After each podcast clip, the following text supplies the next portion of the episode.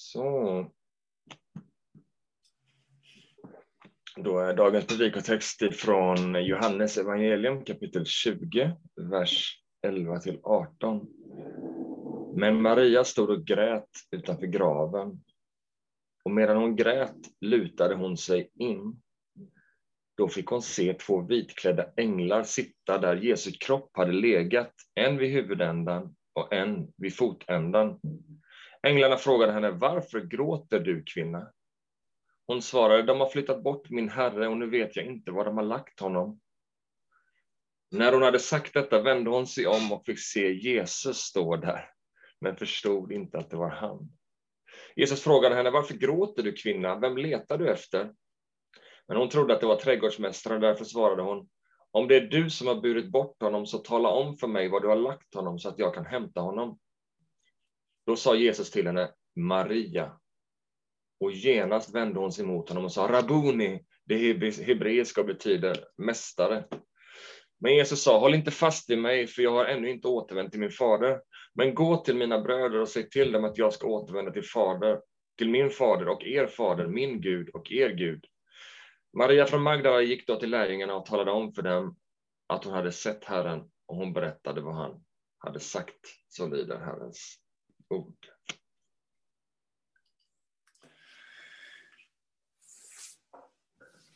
Vilken glädje att få vara med er, vare sig du lyssnar i efterhand eller om du är med här live. Så eh, eh, när vi hamnar på påskdagen så eh, är det en glädje och jag vill, skulle vilja ta med dig in i, dra in dig i berättelsen från Jerusalem eh, på påskdagen och även eh, mer specifikt in i Maria-berättelsen. Det finns olika sorters tystnader. En skogstyst, en skogstystnad är en sak, när vinden blåser i träden någon fågel som sjunger, men det är tyst. Tystnaden när barnen sover efter en lång dag. Ljuvliga tystnader. Tystnaden i Jerusalem efter påskdramat. Efter långfredagen var en annan tystnad. Jag tänker mig att det inte bara var lärjungarna som var i chock utan alla som befann sig i Jerusalem, vilket var väldigt mycket folk, för det var den judiska påsken som inföll. Alla var i chock. Jag vet inte om du har sett den här filmen, jag såg den rätt så nyss, The Impossible, med, eh, som handlar om tsunami 2004. Först så kom ju de här enorma vågorna in eh, över eh, bland annat Thailand. Och eh, efteråt så skildras det genom att det blir liksom helt tyst. Om du inte har sett den filmen så är den otroligt fin, även jobbig, men otroligt vacker eh, berättelse. Precis efter en naturkatastrof så blir det helt tyst. Och vi läser om långfredagen. En stund innan avrättningstillfället så kom det ett mörker som varade i tre timmar. Och även en så pass stor jordbävning att, som det står, jorden skakade och klipporna rämnade. De här två naturfenomenen, katastroferna i alla fall när det gäller jordbävningen, inföll precis efter eller under Jesu död. Ljuset som kom till världen, Jesus Kristus, släcks när hela mänsklighetens syndaflod väller in i Jesu kropp på långfredagen. Vi var just med, när vi var, det var inte så länge sedan det var jul, men då så berättas i berättelsen under julen när Jesus föds om ett otroligt vackert himlafenomen. Där en stjärna eh, kommer över Betlehem den här första julen.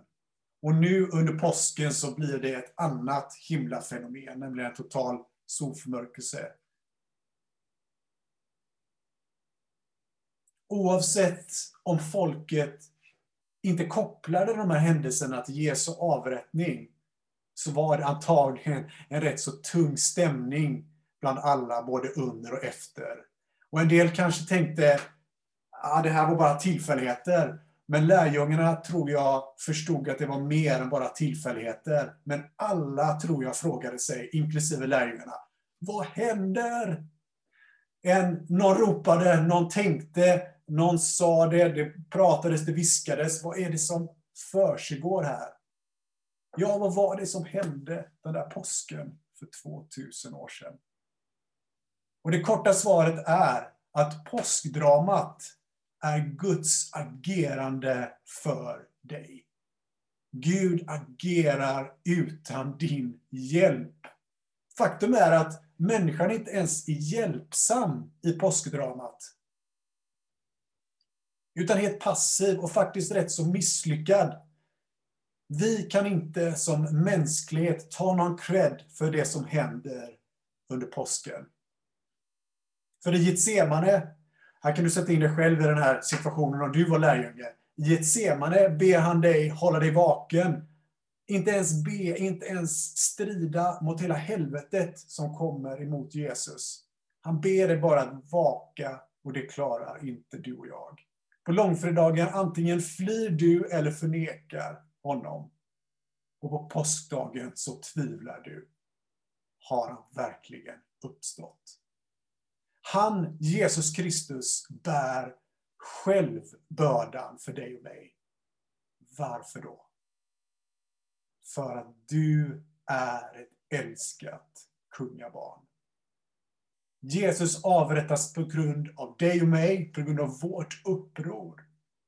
Och Jesus uppstår idag på grund av att du är älskad. Påskdramat är Guds lösning för människans, från människans begynnelse när han först kom till jorden för att göra bortsprungna, lyssna nu, bortsprungna söner och döttrar som du och jag till prinsar och prinsessor igen. Det är det som händer under påskdramat. Utan Jesu avrättning och uppståndelse så finns inget liv för mänskligheten, utan bara ensamhet och utlämnande till oss själva. Och när du med Adam och Eva sa, det är min väg som gäller nu, hör du, Gud. Då hade Fadern redan designat och satt igång påskdramat som vi har sett och folk följt med den här påsken. För det är på grund av Guds godhet så att han öppnade den här vägen. Han återställde oss till vårt ursprung under den här påsken. Till att återigen bli kungabarn som jag sa. Och återigen få syfte, frid och sann kärlek. Utan uppståndelsen idag, på påskdagen, så är långfredagen meningslös. Synden måste ge vika idag för livet. Livet måste komma ut och leva. Mörkret måste ge vika för ljuset. För Jesus, Guds logos, skapande ordet själv, kunde inte behållas av döden. Det var omöjligt för döden att behålla honom. Djävulens makt, auktoriserad av människans uppror, förlorade när Jesus uppstod. Döden fick inte sista ordet, utan Guds ord, Guds logos, gav oss livet tillbaka.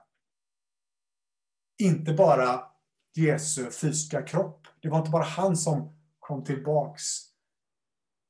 Utan han gav oss liv tillbaks för alla som tror att det här påskdramat är på riktigt och berör oss idag. Så min poäng här, en av två viktiga poänger som jag gärna vill att du ska stanna till vid är allt handlar om Jesus i påskdramat.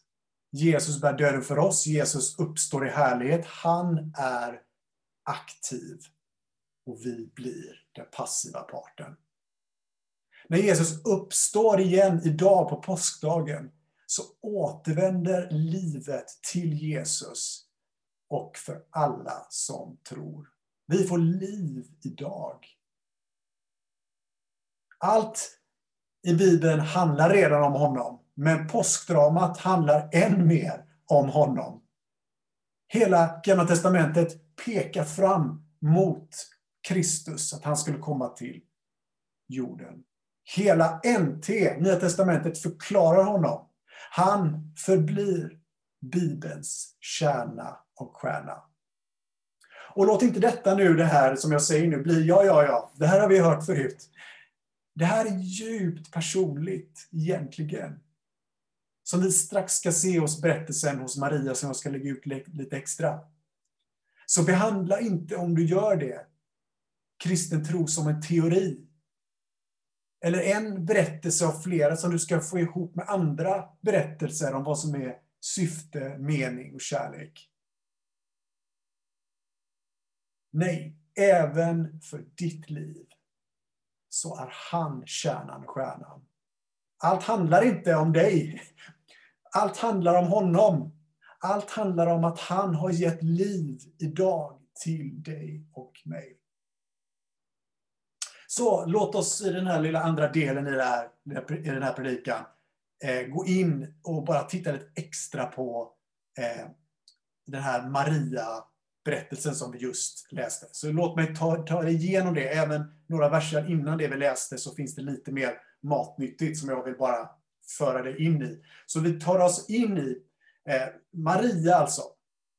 Maria är en, eh, en Jesu efterföljare. Det står talas om henne i Lukas 8 att hon har blivit botad eh, av Jesus själv och blivit befriad till att eh, följa honom. Så hon, hon är en, precis som lärjungarna som följde, följde med Jesus överallt, så var hon en av de kvinnor som följde Jesus vart han än gick. Så han, hon var, man kan lätt förstå på texterna att hon är Eh, eh, lika nära Jesus som, som det verkar som att eh, lärjungarna var. Eh, Maria var med på vid korsfästelsen.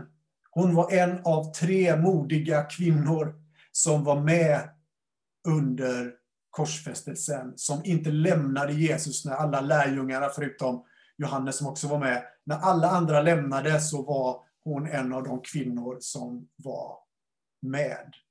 Hon lämnade aldrig Jesus som hans efterföljare.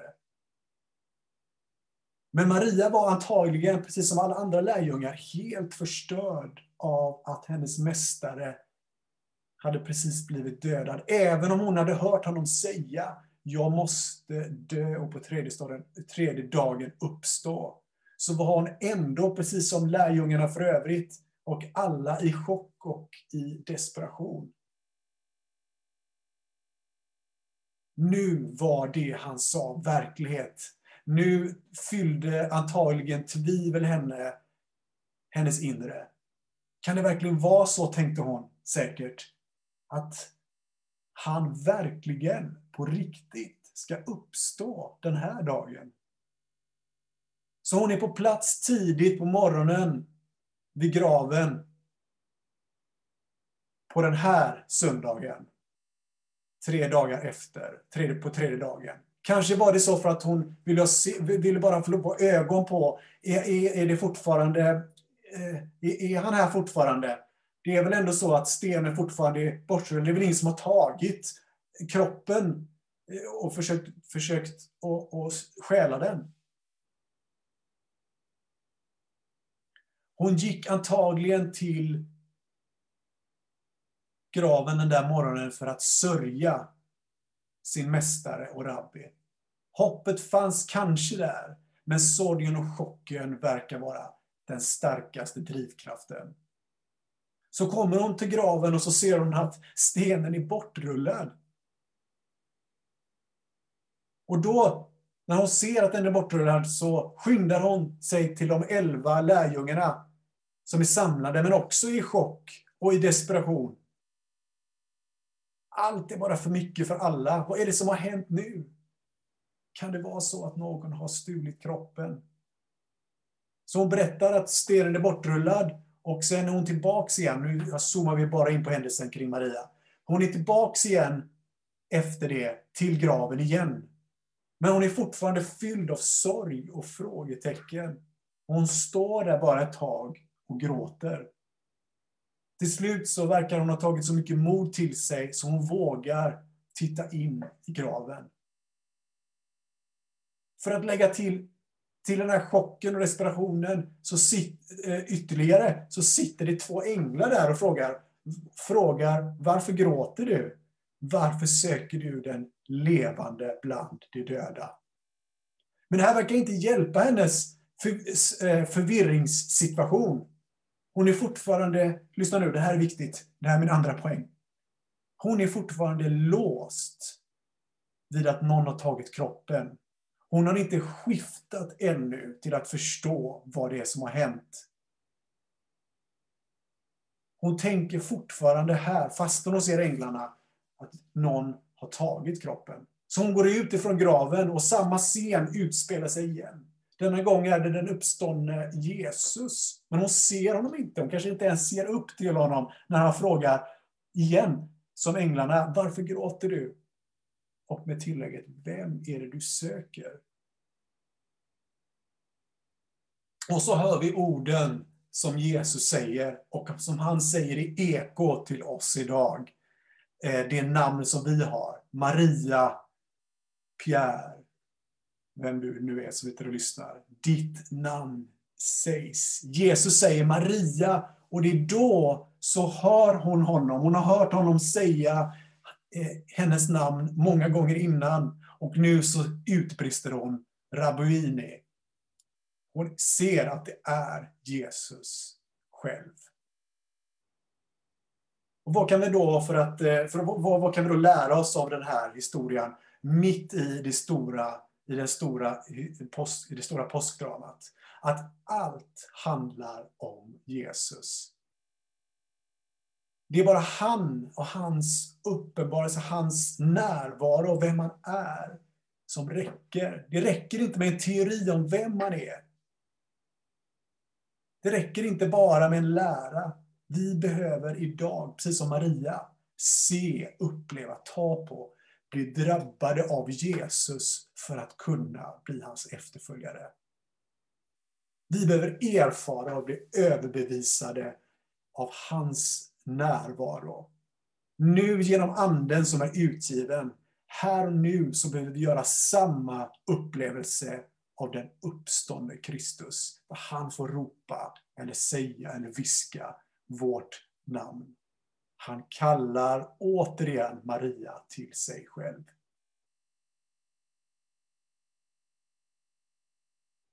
Så nu behövde hon skifta förståelsen av vem Jesus är. Han är inte bara en rabbi.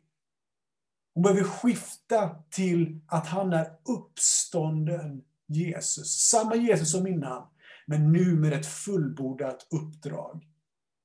Det uppdraget han hade på jorden att föra förlorade söner och döttrar tillbaks till honom själv. För nu behövde allt bli annorlunda. Att följa honom nu som uppstånden är att lita på att han fortfarande verkar. Nu genom anden som snart på pingstdagen, som vi läser i, i eh, Apostlagärningarna, ska bli utandad på Jesu efterföljare. Han, Jesus Kristus, var alltid Guds logos, Guds skapande ord. Men nu när hans mänsklighet genom uppståndelsen återigen har blivit uppslukad av det himmelska, fylld av ljus och helighet, så är det fortfarande Jesus som Maria behöver följa men en uppstånden, förhärligad kung. För det räcker, du ska snart landa här, det räcker bara med Jesus Kristus. Inte en berättelse om honom, utan han själv. Han är fortfarande allts centrum. Han befinner sig, som eh, en teolog som heter Wright har sagt, i universums kontrollrum och se till att allting förs nu till, till tidens slut när han kommer tillbaks. Han är den enda som kan ge det livet till oss. Bara hans närvaro kan göra skillnad. Det räcker bara med Jesus. Han är fortfarande allts centrum. Han är fortfarande upprätthållaren av livet självt. Uppståndelsen är radikal. Den är till och med utomjordisk. Den går utanför alla, lyssna nu, alla sekulära förklaringsmodeller. Det var ingen som hade stulit kroppen. Den var uppstånden till sin nya skepnad. För det är bara om Jesus är en annan än oss som han kan besegra döden. Bara om Jesus är Gud själv så kan döden besegras och uppståndelsen ske. För Jesus är mer än ett föredöme. Han är mer än en god lärare. Han är mer än en rabbi. Han behöver för oss bli mer än så.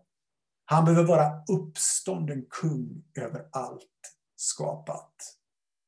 Och han behöver kalla oss först och främst till sig själv.